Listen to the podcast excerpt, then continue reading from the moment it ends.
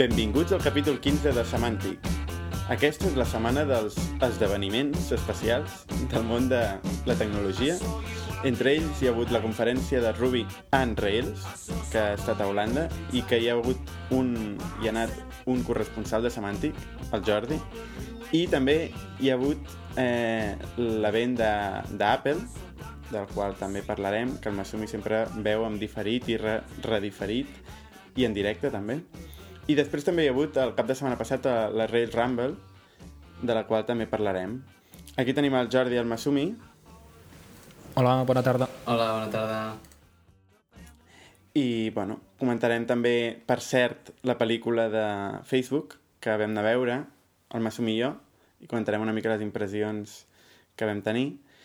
Però comencem amb el Jordi, que és el, bueno, el tema estrella, és la conferència Ruby on Rails, que va anar. Explica'ns, Jordi, què tal? Bé, va ser molt interessant. Va ser dijous i divendres d'aquesta setmana passada a Amsterdam i vam anar un parell de, de membres de Teambox i bé, és curiós, vam, vam assistir a bueno, totes les conferències menys un parell perquè n'hi havia algunes que es feien en paral·lel anava sobre temes diversos dins de, del món de Ruby, dins del món de Rails i, i també fora, vull dir que era molt, molt, molt genèrica. Vam conèixer gent holandesa, gent alemana, gent catalana, concretament la gent de Codegram, que és, és una empresa que es dedica a programar en Ruby on Rails de Terrassa, a la província de Barcelona, i, i bé, vam descobrir alguns projectes interessants i coses d'aquestes, i, i gent, sobretot gent, gent de, del món que, que està molt bé. Hi havia el, el Tecnowini, no?, que és un personatge una mica famosillo, Sí, segurament dels més coneguts era Rick Olson, que el seu nick és Tecnowini, que treballa a GitHub i que és bastant conegut dins de la comunitat, de Ruby i de Rails, tot i que curiosament no va parlar ni de Ruby ni de Rails, sinó de Git, que és el sistema de control de versions del qual ja hem parlat i que tenim un, un screencast que va fer el Bernat sobre Git. Doncs eh, el Rick ens va explicar com fer servir Git com si fos una base de dades i l'exemple que ell va fer, que és un, un codi que de fet ha, ha publicat, és open source, és una aplicació que et permet mm, fer Twitter a través de Git. És una mica complexa la idea, però bàsicament és, és experimental, no té cap sentit, però cadascú té el seu timeline de, de tweets amb un, amb un repositori de Git i pots juntar-ne més d'un per veure tots els timelines barrejats, etc. Però bé, això sí que és realment inútil, però molt friquisme, interessant. Com a... Friquisme pur. Sí, és friquisme absolut, però, però està bé. I la, el codi penjarem l'enllaç perquè, perquè el mireu, és, és curiós.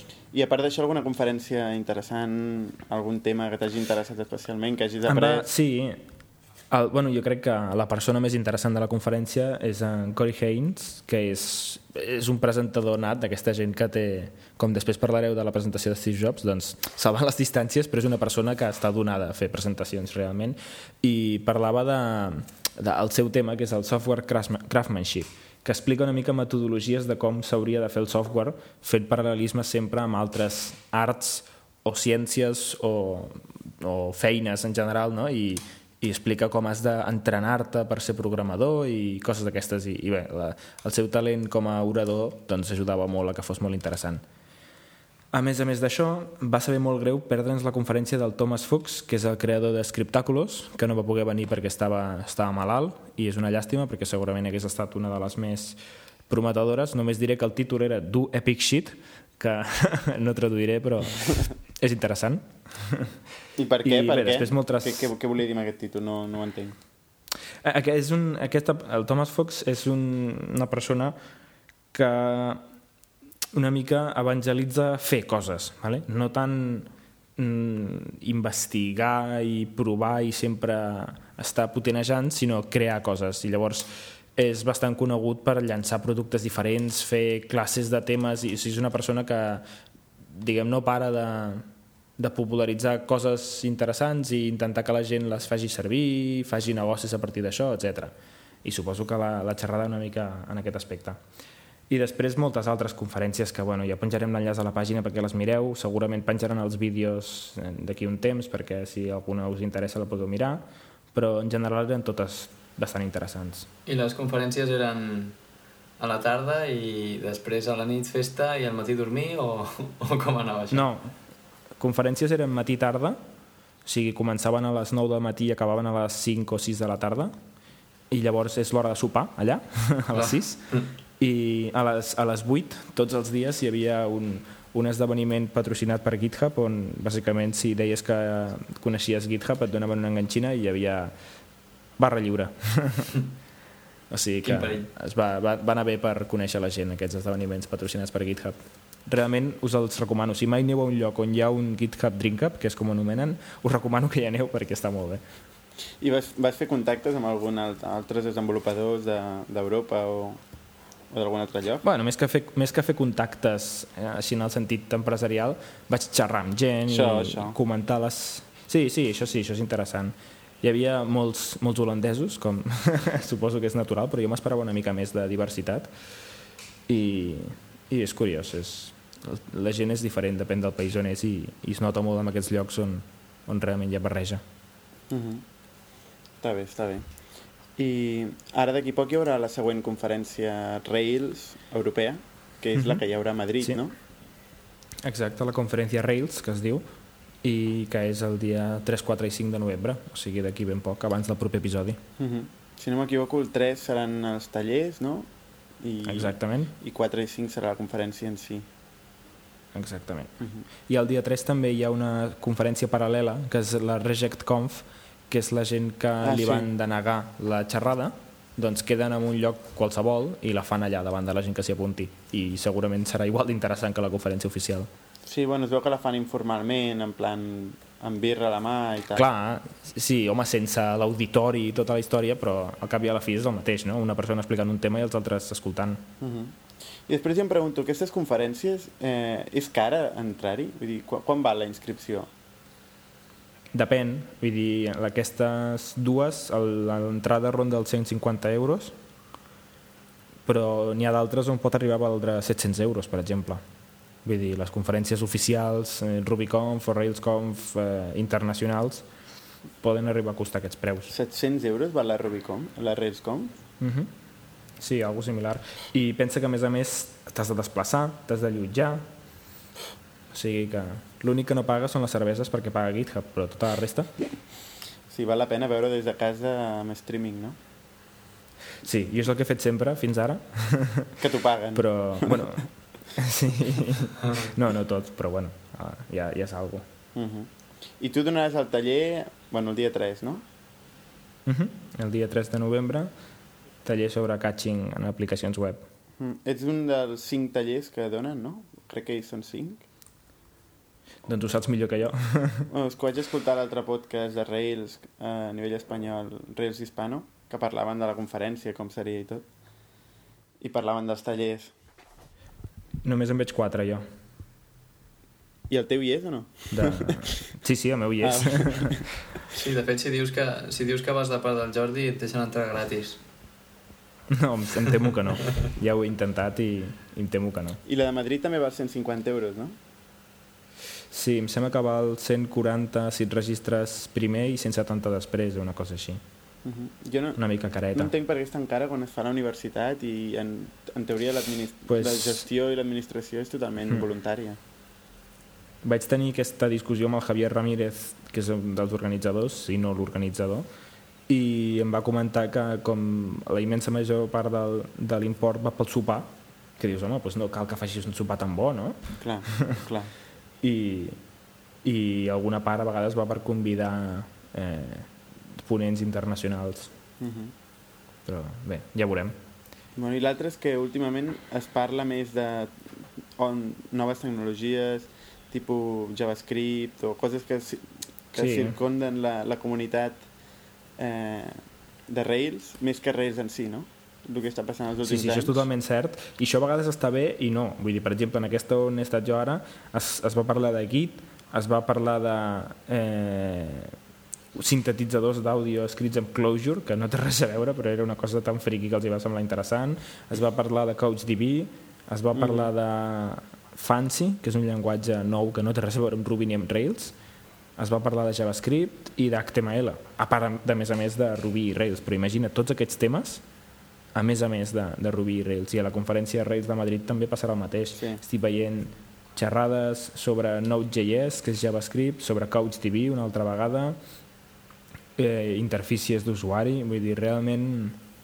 Bueno, és la gràcia, no?, una mica. Un, una comunitat acostuma a estar interessada per altres temes i, per exemple, el cas de Ruby i JavaScript, doncs, van evidentment relacionades, especialment amb Rails, no? perquè les aplicacions web i el JavaScript van lligadíssimes i cada vegada més. Vull dir, el New Twitter, ja ho vam comentar a l'últim episodi, Sí. hi ha tant de JavaScript com de tota la resta. I a més a més amb el JavaScript a la part del servidor, com és el cas de Node.js, doncs també està guanyant força per tot arreu. Vull dir que... Sí, de fet, I el tema de les bases de dades, perdona, i acabo, el tema de les bases de dades no SQL, que també vam comentar fa un o dos episodis, també rodeja molt el tema de les aplicacions web perquè es vol que siguin escalables i coses d'aquestes. Per tant, ja està bé que nosaltres ens, algú ens informi d'aquestes coses dins de la mateixa comunitat. Mhm. Sí. Això em recordava una cosa que sempre m'hi fixo um, a GitHub, quan fico aplicacions web i tal fetes amb Rails, moltes vegades les detecta GitHub com a aplicacions JavaScript. I és perquè tenen molt de codi JavaScript i em diu aplicació JavaScript. No? I si la busques, doncs, surt com a que té més codi de JavaScript que de, que de Ruby. Perquè, I, o és que de Ruby, una aplicació de Rails pot tenir de molt poc, a vegades. Ja, ja. perquè és quasi tot HTML, JavaScript i una miqueta de Ruby, que és la part intel·ligent, però a vegades és curiós la quantitat de poc Ruby que hi ha. Mhm. I continuant amb el tema de Rails, eh, aquest cap de setmana passat ha sigut la Rails Rumble, que és bueno, una mena de concurs que es fa a nivell internacional d'aplicacions Rails, on tothom es pot, partir, es pot presentar. Eh, S'ha de crear una aplicació Rails en un cap de setmana, en 48 hores, si no m'equivoco. I, i res, i no, no hi ha normes, mm, tret de que no pot haver cap contingut eh, anterior, cap contingut digital anterior per a aquella aplicació. Això no vol dir que no puguis tenir la idea pensada o que no puguis ten haver treballat el tema a nivell conceptual, però l'aplicació en si s'ha de començar al cap de setmana. Llavors la gent pues, es tanca al cap de setmana les 24 hores allà programant, en plan... Bueno, és una cosa que a més la gent li fa molta il·lusió i, i, i s'apunta, però si ho, ho expliquessis a algú altre, algú altre que no sigui del món de la informàtica, tindria problemes d'entendre perquè ens mola tant fer coses així, no, els informàtics, i tancar-nos allà i treballar infinitament durant un cap de setmana, que és teòricament el temps lliure. I, i la qüestió és que surten aplicacions molt interessants i molt curioses. Eh, crec que aquest, aquesta vegada s'han presentat unes 300, de les quals només eh, han presentat codi al final 170 o alguna així. I després hi ha una fase de selecció on elegeixen, eh, no sé quantes van elegir, 20 o 10. Tu saps, Jordi? No me'n recordo ara. Sí, em sembla que eren 25 i, i això ho fa un, uns experts que estan ja Mhm. escollits des d'abans i que és públics i tal. Vull dir que no és l'organització privada, sinó que hi ha tot d'experts de la Sí, hi comunitat ha, un- hi ha un que panel. escollen. Mm. Exacte. I, I després al final acaben sortint doncs, tres guanyadors, no? O, bueno, Més, perquè també fan categories. Vull dir que potser acaben sortint 7 o 8 guanyadors en diferents categories. Uh -huh. I això que deies tu, que et vas trobar els, els xavals de, de Codegram, que és una empresa d'aquí, doncs ells van participar també. Es van ajuntar amb una altra Mhm. empresa, també Rails, una, startup, bueno, no és startup, una petita companyia, suposo, eh, que es diu I++, i Codegram es van presentar junts i, i també van fer una aplicació que estava, estava bastant bé. I eh, a nivell d'Espanya també s'ha presentat bastanta gent, i al final han guanyat eh, pues, tres aplicacions, o sigui, les, prim les primeres, que són OmiCash, que serveix per eh, dir- fer-los als amics, suposo, o als teus coneguts, que et retornin la, els diners, que o sigui, pots crear recordatoris, que els hi vagin enviant mails, que els hi vagin donant la tabarra. Color I- del frac. Exacte. De fet, surt el, el logo és el sombrero, el barret aquest de, del cobrador del frac. Sombrero. Sombrero. I després també hi ha una que serveix per gestionar els teu, la teva col·lecció de música, que es diu Tunes, Uh -huh. i, i una altra que es diu eh, Beer Check. Beer Check. No sé si l'esteu veient. Si no, Sí. Beer Checking és el que va, és el que va guanyar. és la que va guanyar. Sí, la que primera serveix per posició. des de... Mhm. Des del propi Twitter pots anar afegint les birres que vas, que vas bevent i tal, i anar fent una col·lecció com un, com un portfoli de totes les birres que t'has pres, de tots els tipus i tal. No sé, està bé, està bé.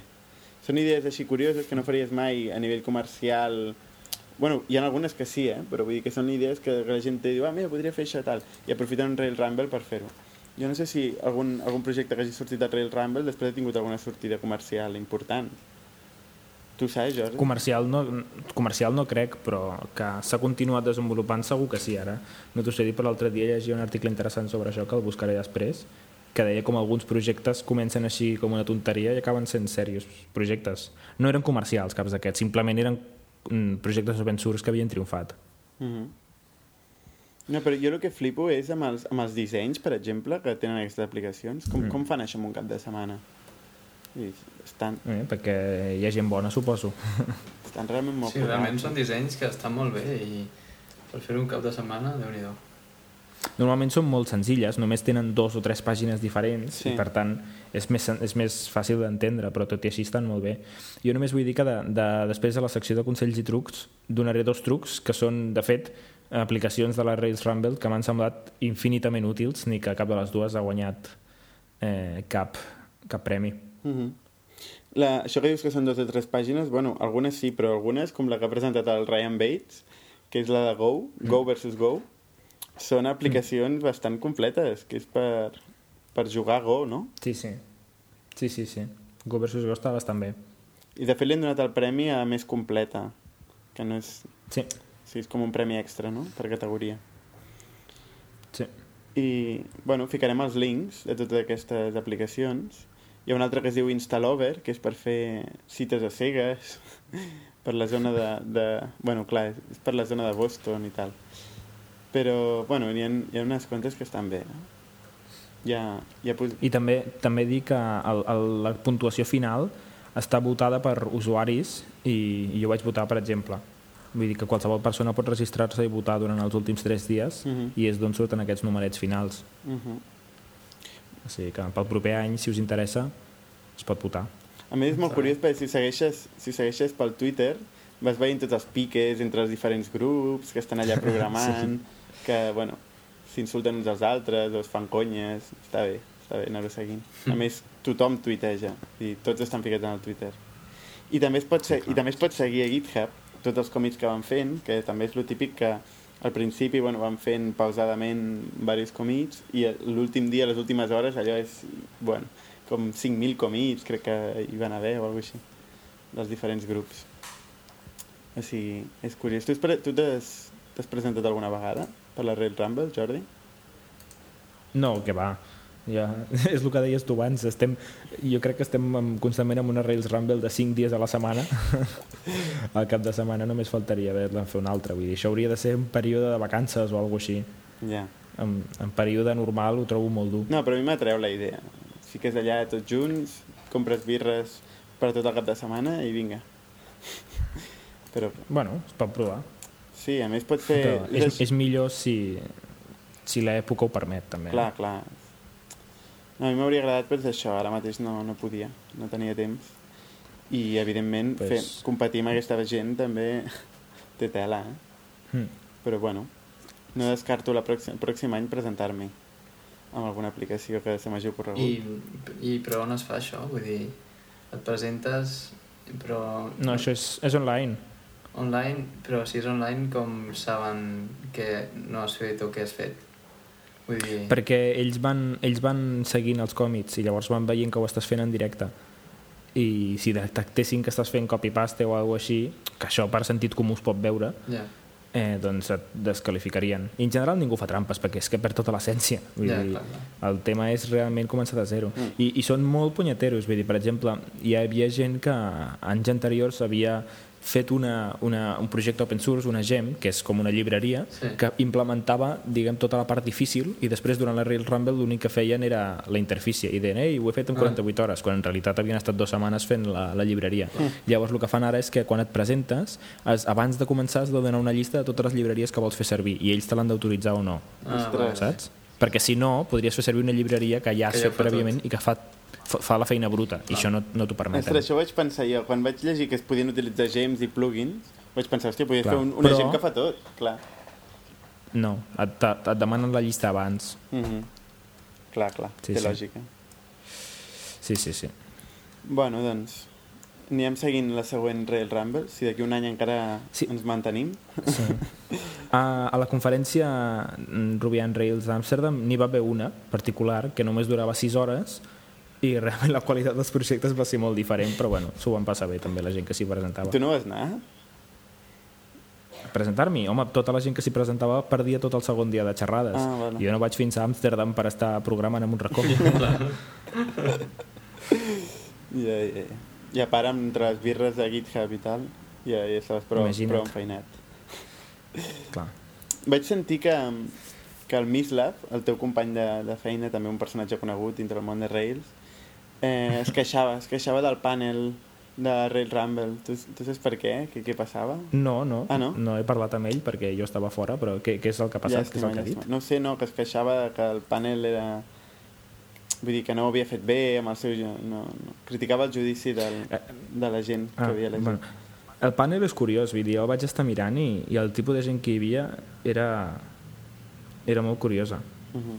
Vull dir, no, no és, són el típic personatges coneguts en general, era gent que treballava jo, no sé, a YouTube o a empreses consultores a vegades, també alguns gurús d'aquests coneguts per allà, però Uh -huh. és curiós. Ah, vale, ara veig el que deia el Mislav. El Mislav no es queixava del panel en, en general, sinó de, de que haguessin votat favorablement una aplicació que és StudGuru, que Sí. estava plena de faltes d'ortografia i coses incorrectes i va arribar a la final. I ha quedat Vale. en setena posició. Sí, sí, d'això es queixava, de, de la poca qualitat de- d'aquesta aplicació i que arribés al final. Però també el Mislav és molt exigent, eh, vull dir. Ja, ja. Bueno, passem de tema a l'event, ai, a l'event, al- a l'esdeveniment. Esdeveniment. perdona. L'esdeveniment d'Apple. eh, Masumi, Sí. explica'ns que tu ets el principal seguidor d'aquestes Bueno, coses. Bàsicament, l'esdeveniment aquest es, es deia Back to the Mac i fins al final, final de tot, de tot, de tot, no es va saber per què era Back to the Mac, però bé, ara ho explicarem també. El, la, les principals novetats, doncs el nou iLife, com cada any, doncs en, no ens han sorprès gaire amb, el, amb la nova suite en què han renovat l'iPhoto, l'iMovie i el GarageBand. l'iWeb i l'altre que ara no recordo quin... Ah, sí, l'iDVD no l'han... Ah, i DVD. Sí, exacte, aquest, aquestes no les han tocat. A l'iPhoto té ara una nova interfície, l'han canviat bastant, jo encara m'hi estic acostumant, no sé si cap a millor o pitjor, però bueno, de moment encara m'hi estic acostumant.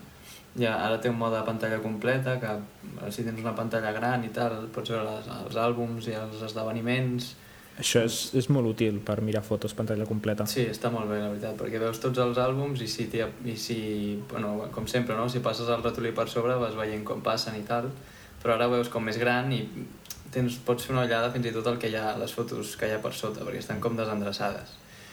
Eh, ja, bueno, han afegit eh, slideshows d'aquests que ja tenien, predefinit, que tu li dones al play i li dius quina vols i t'ho fa automàtic, alguns que estan bastant bé, Eh, ara tot el tema de la integració amb Facebook, Flickr i tot això l'han canviat una mica.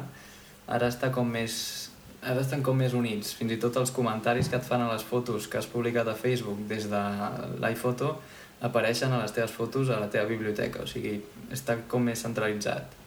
Abans només es pujava la foto i punto. I, bueno, a part d'això, mm, bueno, els, els fotollibres aquests que, que fa Apple han, han tret de nous, amb mides més grans i dissenys més, més macos i tal. També targetes de, de felicitació, ara n'han fet unes que es venen amb, amb una mena d'empremta que no és només tinta, sinó de, de forma. O sigui, deformen el paper amb un dibuix i, bueno, una història que expliquen de com es feia antigament, no sé, unes històries increïbles. Eh, Paranoia. Sí, sí, exacte. Llavors, de, eh, per exemple, la- la- l'iMovie, les novetats que hi ha són, bueno, el que tothom demanava, una millor manera de poder editar l'àudio. Ara ja... Ah, sí, bueno, sí, sí. Això sí que es troba a faltar. es pot controlar molt més fàcilment quines parts vols pujar o baixar el volum, etc. Ara ja, fins ara teníem efectes de vídeo, ara s'han afegit els efectes d'àudio, que bueno, fan el típic, canviar la, ve- la veu, convertir-la en més greu, en ardilla, en monstru, alien, xorrades d'aquestes que a la gent li agraden.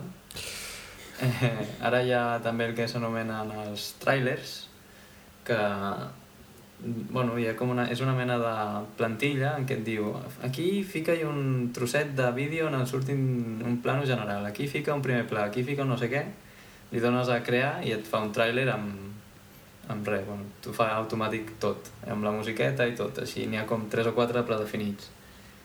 I mm, què més hi havia? Bueno, efectes, one-step effects, que li diuen, que són uns efectes de, de vídeo d'aquests, per exemple, quan hi ha quan vols fer que una escena es repeteixi a càmera lenta, doncs fins ara havies de tallar, mm. tornar a posar al costat, fer que vagi càmera lenta, no sé què... Bueno, ara amb un clic ho pots fer fàcilment. I de detecció de cares, també, en el vídeo. Detecta... No et detecta, em sembla que no et detecta qui és qui, però et detecta si hi ha tres persones, si hi ha una persona, si és un primer pla, un pla mig, etc. Això, si em permets, Sí, sí. és, per exemple, abans ho feia a l'iFoto i quan feies un passe de fotos eh, saps que a vegades te les retalla una mica perquè fa aquest moviment que en va Sí, i coses d'aquestes, doncs feia servir el detector de cares per no tallar mai una cara i sempre centrar les cares Ah. a les imatges. I suposo que deu estar relacionat sí, amb això. segurament. Per això fa també que no et talla la cara. Sí, sí, clar, deu ser això. Mm. Està bé, està bé. Eh, bueno, de l'iMovie poca cosa més han canviat i el GarageBand eh, li han afegit una cosa que es diu Groove Matching Espera, perdona Que- una cosa. El, el, Digues. explica, un, explica el GarageBand que és el... Per què serveix cada Ah, sí. programa, no? Perquè, si no, si algú no sí, ho bé, coneix. l'iPhoto per veure fotos, l'iMovie per editar vídeo i fer xorradetes d'aquestes en vídeo i el GarageBand és un programa per editar, bé, per crear la teva música, per gravar... Bueno, crear la teva música. Pots connectar instruments MIDI, pots connectar el micro i cantar, eh, bé, es poden fer milions de coses. En, una, en un altre podcast ja, si de cas, parlarem Fer més. podcast, es poden fer Exacte, podcast. es poden fer podcasts. En un Tot i altre que podcast nosaltres no ho fem, parlarem. nosaltres no ho fem. Sí, exacte, per un, per un accident que hi va haver. sí, hòstia, algun dia ho haurem d'explicar, això, no? Sí, sí, sí. No, és Com igual, vam haver igual. de repetir tot un episodi per culpa del GarageBand. No ho expliquis, anava a dir, no ho expliquis, per favor. massa, massa tard. Eh, doncs això, en un altre episodi ja parlarem més profundament perquè el GarageBand té moltes possibilitats. A part d'esborrar tot el que has gravat. El, el. Masumi és un usuari avançat de GarageBand, ja només diem, Sí, perquè és bueno. realment un expert del tema. Eh, bueno, han afegit això que es diu Groove Matching, que si tens un grup de música que tots sou, sou uns paletos i no sabeu tocar, però almenys teniu el bateria, que és superbo i du molt bé el ritme, doncs ara pots fer que la, la pista d'aquest bateria li poses una estrelleta i li dius aquesta és la bona. I llavors els altres instruments automàticament instruments gravats a micròfon, això és el bo, que si fos software simplement es pot moure la nota, però gravats a micròfon s'ajusten al ritme de la bateria. I van fer una demo allà que suposo que estava hiperpreparada, però quedava molt bé. Jo no ho he provat encara. Després han afegit una cosa que es diu Flex Time, que també està bé i que pots, si per exemple que graves una guitarra acústica amb el micròfon i l'última nota es queda curta o llarga, pots editar la longitud de les notes que has tocat. O sigui, una cosa bastant... que jo no sabia que, que es podia fer, però mira, amb el, abans ho feia amb el, amb el teclat MIDI, sí que és obvi que si toques una nota per software, doncs simplement l'has d'allargar.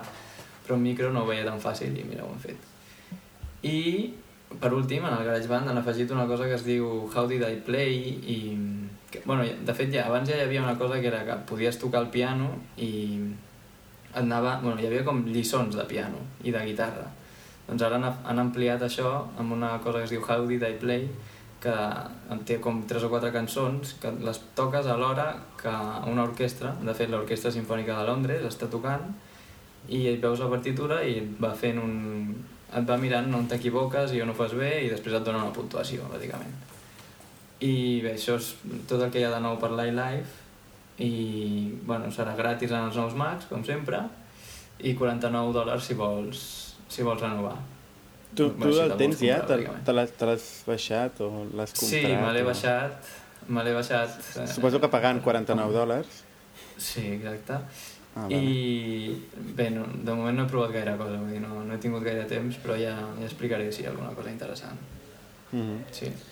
Altres temes Eh, eh, bueno. interessants de l'esdeveniment, eh, Sí. el tema, tema FaceTime, que per cert, m'agradaria dir que Steve Jobs ho acaba de presentar Vull dir, jo vaig veure Engadget que acaba de comentar el tema aquest i 5 minuts després em truca el Masumi en en l'iPhone i ensenyant-me l'iPhone amb la mà, o sigui, m'estava trucant des de l'ordinador. Jo que ho acabava de llegir, o sigui, feia un minut que ho acabava de llegir. Era una de les novetats més demanades que es pogués fer FaceTime des de l'ordinador, perquè era obvi, si des de dos iPhones ho pots fer, per què no des de l'ordinador cap a un iPhone, no? Doncs sí, així que, així que va sortir vaig veure un tuit d'algú que ja se l'havia baixat, estava tota l'estona refrescant i mira, vaig trobar FaceTime pel Mac, me'l vaig baixar i ara és una beta, vull dir, poques opcions té, però, però fa el que ha de fer, vull dir, funciona i, i bueno, pot ser útil per segons què. Ja. Jo ara encara veig amb més motiu que hauria d'estar integrat amb l'Apple TV, que no sé si us en recordeu que també ho vam comentar quan van anunciar Sí. FaceTime per Sí. l'iPod Touch, em sembla que era, Sí, Mm. que l'Apple TV realment també el podia tenir i fer-ho així a la sala d'estar i tota la història. sí, sí, no, no trigaran. Tin- No trigaran perquè... Tindria sentit. A mi em fa molta ràbia perquè just quan ha sortit això se m'ha mort la càmera del Mac. Sí, això, això és... Fa és- és molta fort. ràbia. Si ara hauré Ja. fet del procés de portar-lo allà a l'Apple Store. Bueno, almenys ara hi ha Apple Store. Però bueno, Sí. en fi. Sí. Sí, sí. I, ah, i, i parlant de FaceTime, també he llegit que eh, hi ha un bug, de, bueno, no un bug de seguretat, un, un error de concepte amb el tema de FaceTime per Mac, que una vegada t'autentifiques, tu pots fer el que vulguis amb la Apple ID eh, que s'ha autentificat. Llavors amb això pues, et permet pues, utilitzar-la per restaurar la teva contrasenya, per exemple, i com que l'Apple ID també compres, pots comprar aplicacions i pots, vull dir, si algú t'agafa el Mac físic, eh, Ah, pot, que pot et fer poden el que robar la vulgui. contrasenya i... Sí, Ja. sí, sí. No, no ho havia llegit jo, això. Que fort. Sí, ficaré el link. Perquè... Bueno, eh, en general, ara mateix, si algú t'agafa el Mac físic, estàs fotut. Estàs Vull dir, fotut, sí. Eh, un proper dia d'aquests parlarem de seguretat amb els portàtils i coses així perquè a mi és un tema que em preocupa perquè fa un parell de mesos em van fotre portàtil i, i vaig aprendre moltes coses Sí. però realment és un problema avui en dia Sí, sí. Bueno, repassem eh, ràpidament els, els altres Sí, temes. l'última- l'ul- les últimes dues novetats, una d'elles van anunciar, van, van, una mica van explicar com seria el, el següent sistema operatiu d'Apple, que serà el Mac OS 10 Lion, lleó. Ha- Han deixat els felins, ai, els tigres i ara se'n van cap als lleons.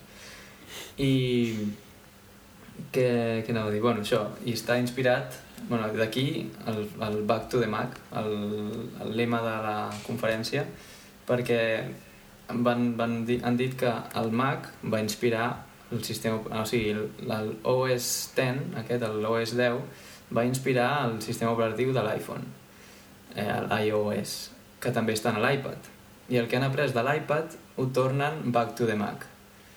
Eh, volem dir que venen, porten els multitats, els gestos multitats, eh, també hi haurà una App Store eh, en el propi sistema operatiu on les empreses podran publicar les seves aplicacions Que això no, no, no, ho acabo de, no ho acabo de veure clar jo, eh? O sigui, a un Mac, una, una Apple Store, és que no... Ai, una App Store, quin sentit té? Vosaltres li trobeu sentit?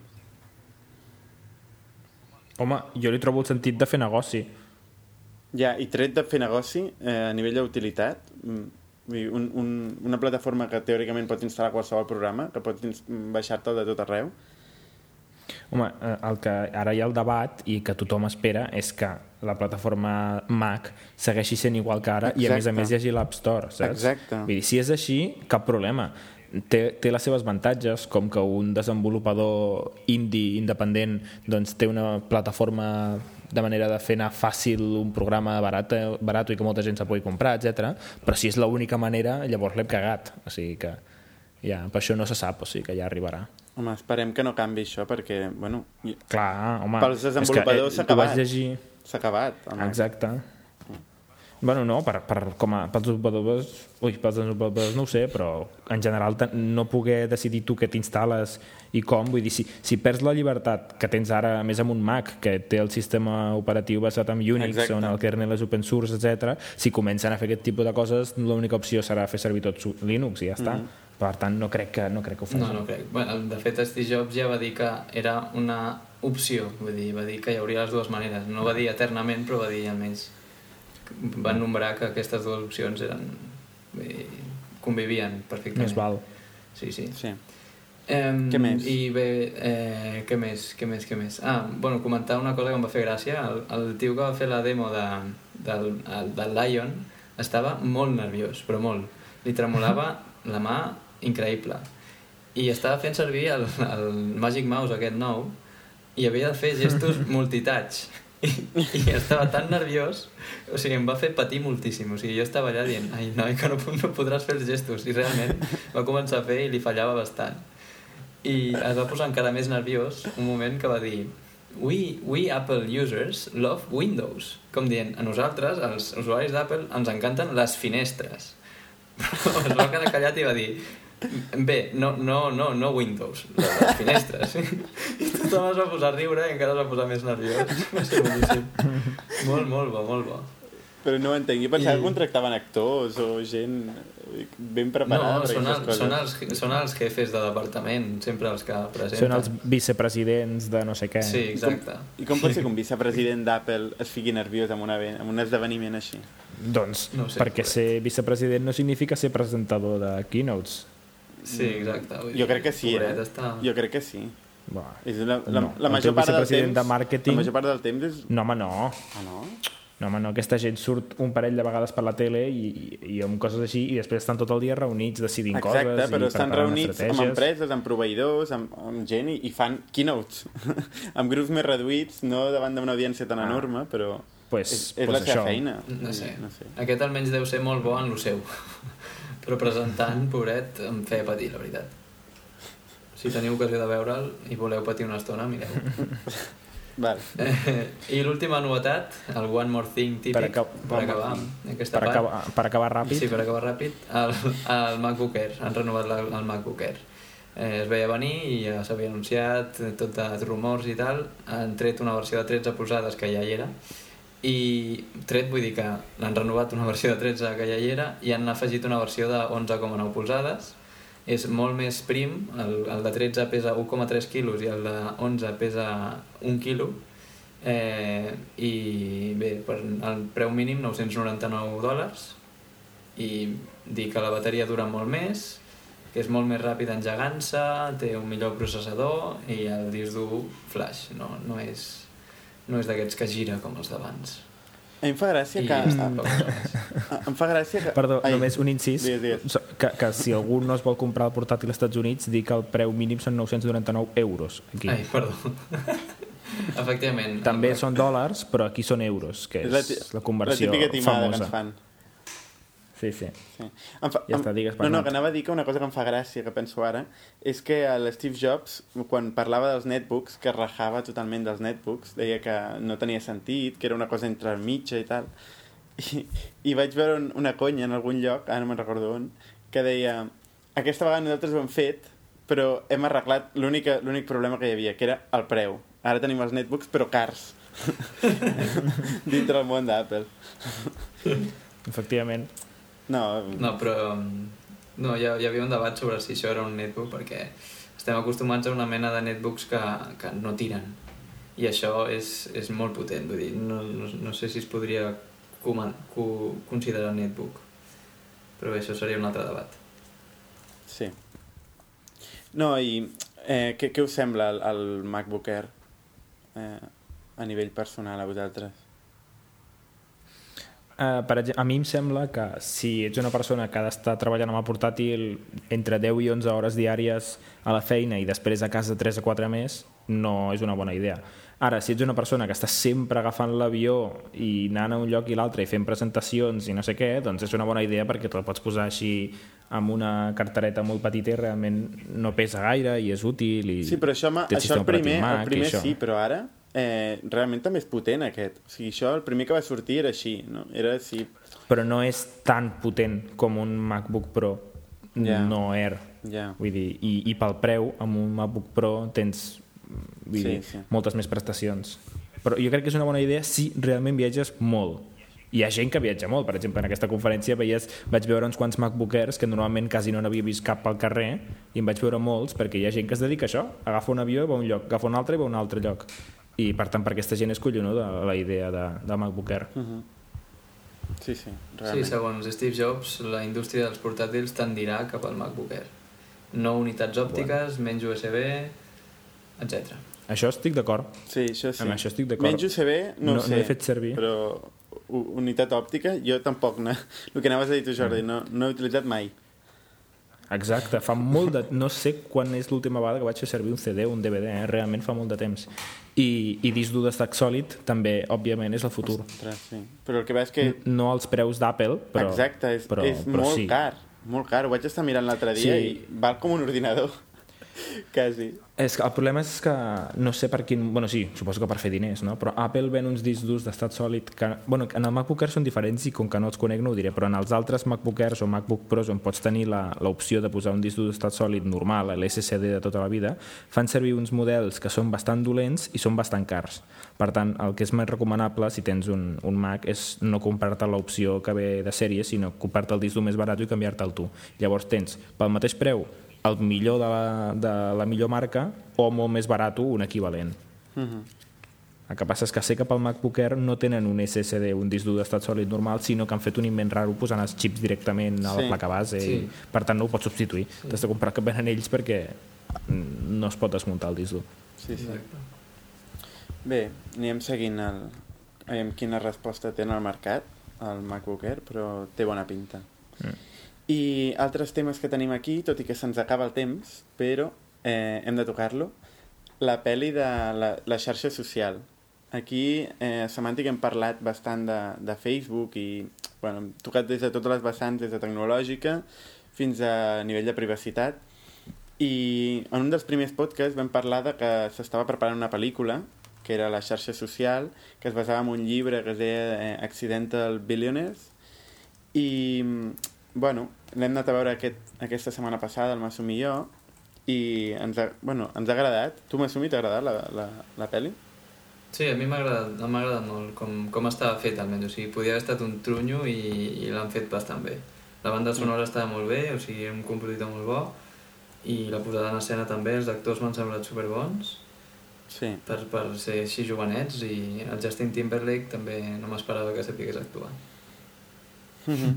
No, i a més ho fa bé. El Justin Timberlake interpreta el, el creador de Napster, perquè també és un dels participants en la creació de Facebook, el que va crear Napster, i allà el pinten com un, bueno, un tio una mica un fiestero, que té moltes idees, però eh, es va enamorant de mil coses diferents i no es queda estable amb una idea, i a més eh, fica a fer festes i tal, i, i, i la lia, vull dir... No sé, Sí. no sé si, què, què té de realitat aquesta pel·lícula. Facebook va fer un comunicat dient que no tenia res de realitat. eh, mm. Vàries entrevistes que li han fet a Mark Zuckerberg, el que ha dit és que era ficció, que no era realment la seva vida. Tot i que eh, la gent diu que el deixa tan malament i jo no veig que el deixi malament. Jo quan el sento en una, en una entrevista veig que el tio té molta menys gràcia que l'actor que l'interpreta a la pel·lícula. Vull dir, el tio que l'interpreta... Eh, bueno, una mica com simpatitzes amb ell, no? I a part que té unes sortides molt bones i et fa gràcia, no sé. En canvi, sí, el Sí, real sí. és un tio totalment soso. és un tio que l'escoltes parlar i dius aquest tio no té cap mena de carisma. Com ha pogut fer això i com ha pogut estar en la posició que està, no? Ja. I, i bueno, és una mica curiós perquè és, un, és com una mena d'experiment dintre del nostre món de la informàtica com crear una aplicació que ataca un mercat que és el més gran del món, que és el mercat en general de la població normal. O sigui, tu pots fer una aplicació que resol un, eh, un sistema de gestió d'algun lloc. I encara que la faci genèrica, sempre tindrà un mercat reduït eh, per, aquest, per, aquesta, per aquesta aplicació. Per exemple, gestionar una empresa. Bueno, doncs només per la gent que vulgui gestionar una empresa tindrà una aplicació. En canvi, Facebook té una aplicació a tot el món. Tothom, pot, tothom té amics, tothom té... Eh, bueno, vol, vol gestionar les seves relacions. Tothom té amics, Llavors, això, crear, diguéssim. Facebook, clar, crear Facebook eh, i, i el tema triomfar fa que exploti, no? I que acabi convertint-se un, una, una aplicació web, que és el que nosaltres fem habitualment, en una de les empreses més grans del món o dels Estats Units.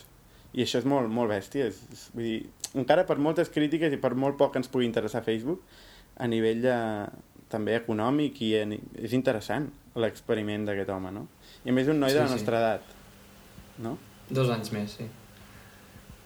I, jo la recomano bueno, molt, la pel·li, sí. O sigui que d'aquí dos anys tindrem 300 bilions de dòlars? O més. Nosaltres, nosaltres tres, home, i tant, i tant. No, cadascú, eh? Cadascú, sí. I, o més. O més. Probablement. És, és també, val a dir que també les circumstàncies de, de Facebook són exclusives, no?, també. El tio, per començar, va robar la idea. La idea no era seva, tot i que sempre he dit, jo i, i molta gent, que una idea, l'execució de la idea forma part de la idea. Vull dir, tu pots, nosaltres ara aquí podem tenir moltes idees, podríem fer el, el següent Facebook, podríem comentar-ho i tindríem idees boníssimes, però és la pròpia execució el que ens diferencia dels altres, no? Vull dir, per tant, ell s'hi va robar la idea, potser, però eh, va saber-ho fer bé, no? Va ser una mica cabron, És o molt cabron, Sí, sí. però Molt cabron, va saber-ho sí. fer bé, no? També, també a, eh, de Bill Gates s'ha dit sempre el mateix, no? Però eh, en el fons és innegable que són gent molt intel·ligent, que s'han sapigut moure, que han sapigut fer el que toca en cada moment, aprofitar el moment, no? Dir, això és innegable. Després I que ha vingut els de altres... família, de família rica en aquest cas, també hi ha aquest al·licient de, que, que tots són de Harvard i tenien bastant Sí. fàcil per accedir a qualsevol tipus per exemple, econòmic, ja es veu la pel·li necessito 1.000 euros per muntar un servidor ah, sí, sí, i te'ls dono aquest tipus de coses Exacte.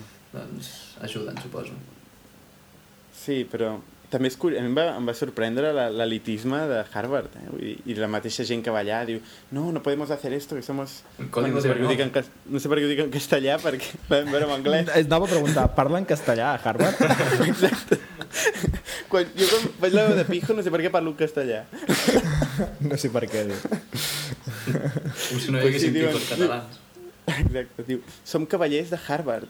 No podem fer això, som Sí. cavallers de Harvard. En fi, sí, sí. Bueno, uns comentaris.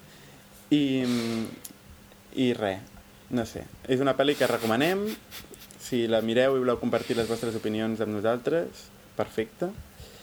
I, bueno, jo segur que comentaré en el blog del podcast quan l'hagi vist. escolta, jo et recomano que la vegis, encara que no t'agradi Facebook, et recomano... És que la vull veure. Ah, doncs. No l'he vist principalment perquè estava a Amsterdam, però la vull veure. Ja no et vam bé, esperar bé. gens, eh? Vull dir, no... No, no passa res. bueno, Em diu en Masumi, em diu, vens aquesta tarda a veure la pel·li... No, em diu, vens demà a la tarda a veure la pel·li de, de Facebook? I jo, mm, massa tard. Massa tard. sí, sí. sí, sí. Bueno, altres temes. Eh, les GAE, eh, bueno, això és un tema una mica... Però ha sigut, és interessant perquè aquesta setmana pues, s'ha declarat il·legal el cànon, almenys per empreses, que ja era hora, perquè és una cosa totalment ridícula. Vull dir que tu per la teva empresa nosaltres necessitem fer còpies de seguretat i que tinguem que estar pagant a uns senyors, uns paràsits que estan allà i que, i que per la seva... El Bisbal. El Bisbal i, I- per la seva i música i les seves Sí, tonteries sí. que no escoltaré mai a la vida tingui que estar-los pagant a aquesta gent em sembla ridícul, Sí, vull dir, espantós. I com era obvi... I que tot i així sigui il·legal, vull dir, tu pagues el cànon però no pots, no pots Ah, fer servir els discos per gravar música, que és la típica paradoxa de dir, si pagues és legal, Exacte. si és il·legal no em facis pagar. És... És, és increïble, Però és, desafia tota la lògica del món. Sí, sí. I últim tema que tenia jo que volia comentar eh, és un... Però això ja potser s'ajuntaria amb, amb tips and tricks, però no.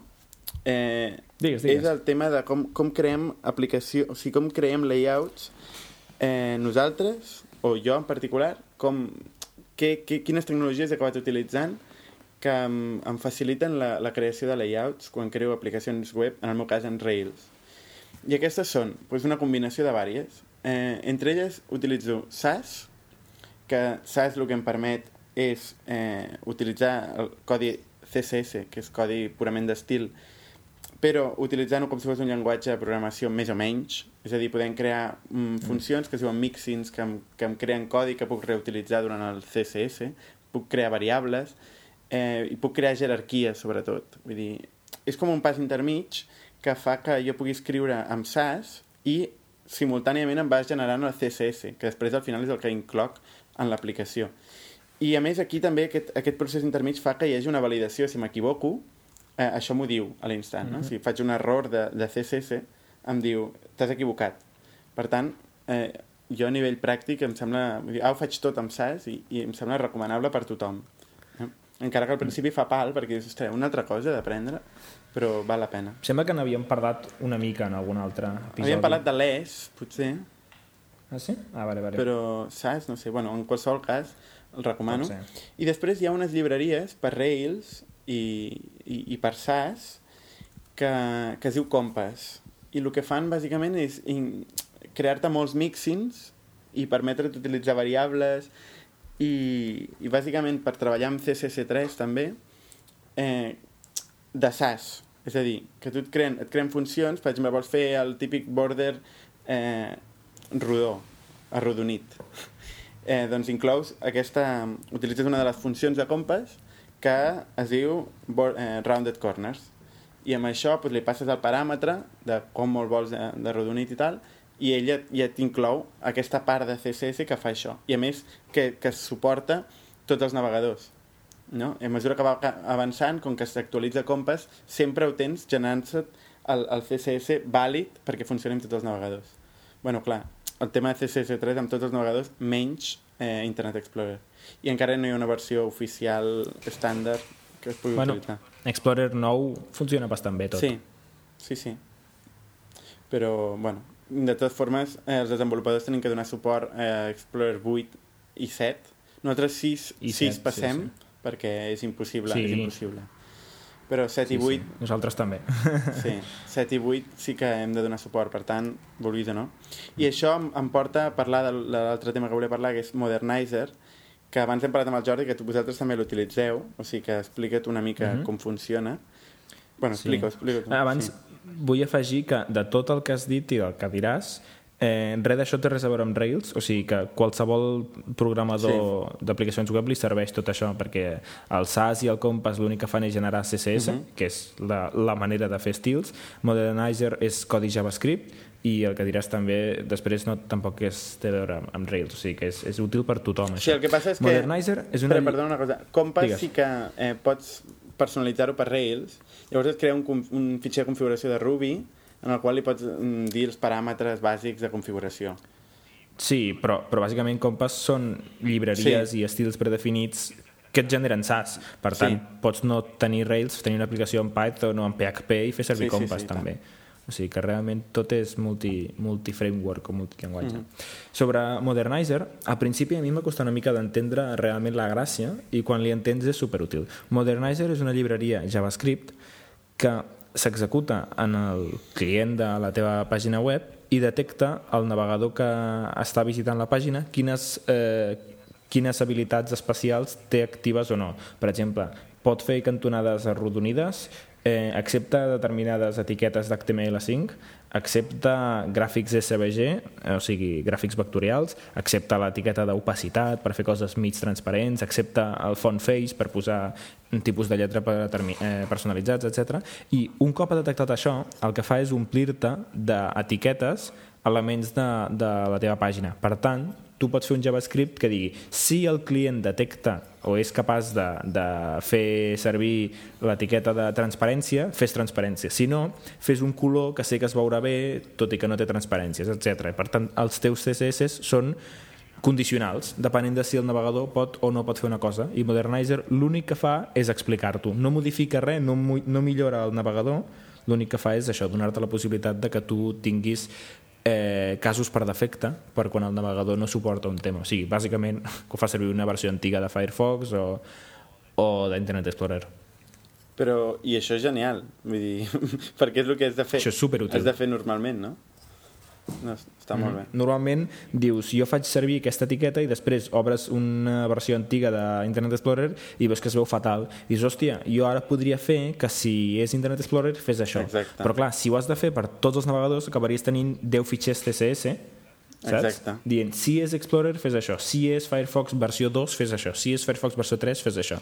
I com que això no té cap sentit i no és escalable, és molt més útil dir, si l'etiqueta accepta opacitat és activa, doncs poso opacitat. Si està inactiva, doncs faig una cosa que queda prou bé sense poder fer servir l'opacitat. Exacte, i és el propi, I és és el útil. propi Modernizer el que s'encarrega de saber si aquell navegador ho té o no ho té, no? Uh -huh. Exacte. Uh -huh. No, no, molt útil. I després, continuant amb el tema del layout, ja per acabar, eh, utilitzar sobretot els nous, les noves possibilitats d'HTML5, que val la pena, perquè bueno, et, des, et treuen molta feina. Coses que abans, per exemple, havíem de fer amb validacions a nivell de client i a nivell de, de servidor, actualment simplement en propis mm, camps de- d'HTML5, com per exemple el camp de números, el number text field. doncs amb això eh, mm, defineixes un camp que per, per força ha de ser un número, no? i en la pròpia construcció de l'HTML ja ho estàs definint. I, i així també hi ha l'email field, per exemple, que et valida l'email, i, bueno, mm, realment val la pena mirar-se tota l'especificació d'HTML5 per als layouts, sobretot pels formularis, perquè t'estalvia molta feina i moltes validacions que abans pues, no et podies oblidar, no? Saps, saps quina utilitat brutal té fer servir formularis d'HTML5 a part de la validació? Mm. Que si fas servir un formulari d'aquests des d'un un navegador intel·ligent amb una plataforma especial, com podria ser un iPhone o un Exacte. iPad o un Android, sí en el cas de l'Android no sé si ho fa, però un iPhone i un iPad sí. Si tu estàs omplint un formulari i el camp és tipus email, et mostra un teclat virtual diferent sí, sí, on sí. hi ha la arroba i el .com com a lletres individuals. I si omples un camp de tipus number, doncs només t'ensenya el teclat numèric virtual. I clar, això fa que sigui molt més fàcil. I tant. Per tant, són avantatges amagades que, que són molt útils. Mm -hmm. o sigui que... I amb les dates passa igual. Sí, sí. I bé, ho hem de deixar perquè se'ns està fent molt tard avui. Eh, la secció de tips and tricks tenim... Bueno, jo tenia un, que el dic, comento ràpid, i passo al Jordi, que també en té un parell. Eh, L'Smart Twitter. M'ha agradat molt l'Smart Twitter. És, un, és una cosa per... una aplicació per Facebook per eh, publicar els teus tweets en el Facebook, o sigui, per connectar Facebook i Twitter, però eh, s'encarrega de treure tota la, tots els problemes de quan fas un retweet o quan fas un, eh, un, no sé, un repli o alguna que són coses espe especials de Twitter, pues, permet eliminar-t'ho o configurar-ho com ho vols tractar amb, amb Facebook. O sigui, que no surtin, perquè a vegades veus gent que té el Twitter connectat amb el Facebook i veus retweets allà en el Facebook i dius i això què pinta aquí? No? Està bé. Està bé. Jo que no havia utilitzat sí. mai la connexió aquesta, està bé. Jo faig servir el, el, el Twitter per defecte, el Twitter oficial, dins la connexió oficial, diguéssim, i no he tingut problemes de moment els, els mentions i coses d'aquestes no m'apareixen. Potser he tingut algun problema algun cop, però bueno, provaré això, provaré per veure quines opcions dona, perquè el Twitter oficial no et dona cap, simplement fa el que fa i punt. A mi, si, si em permeteu la part friki, com sempre, perquè no s'entilli de persona normal, eh, Smart Twitter és molt interessant a nivell informàtic perquè està escrit amb Go, el llenguatge creat per Google fa uns ah. quants mesos, és una de les aplicacions així en producció més populars que el fan servir. Fa servir bases de dades Redis, que és una base de dades no SQL que vam comentar fa un parell de capítols, i per, com a curiositat friki, això està fet servir per moltíssima gent per retuit, per connectar els seus tuits i Facebooks, per tant, hi ha moltes dades corrent amunt i avall, i només hi ha un únic servidor amb 2 gigas de RAM, un servidor virtual privat, i que la CPU quasi no s'utilitza. O sigui que això és parla bastant en favor de Go per fer una aplicació com aquesta, no? perquè és molt poc un servidor com aquests per tants usuaris com té Smart Twitter. Mm -hmm. O sigui que és curiós. Posarem un link a un article que he trobat com el, el creador de Smart Twitter, que és Michael Hosey, explica una mica la seva aventura amb el Go. Mm -hmm. Interessant. Altres tips and tricks?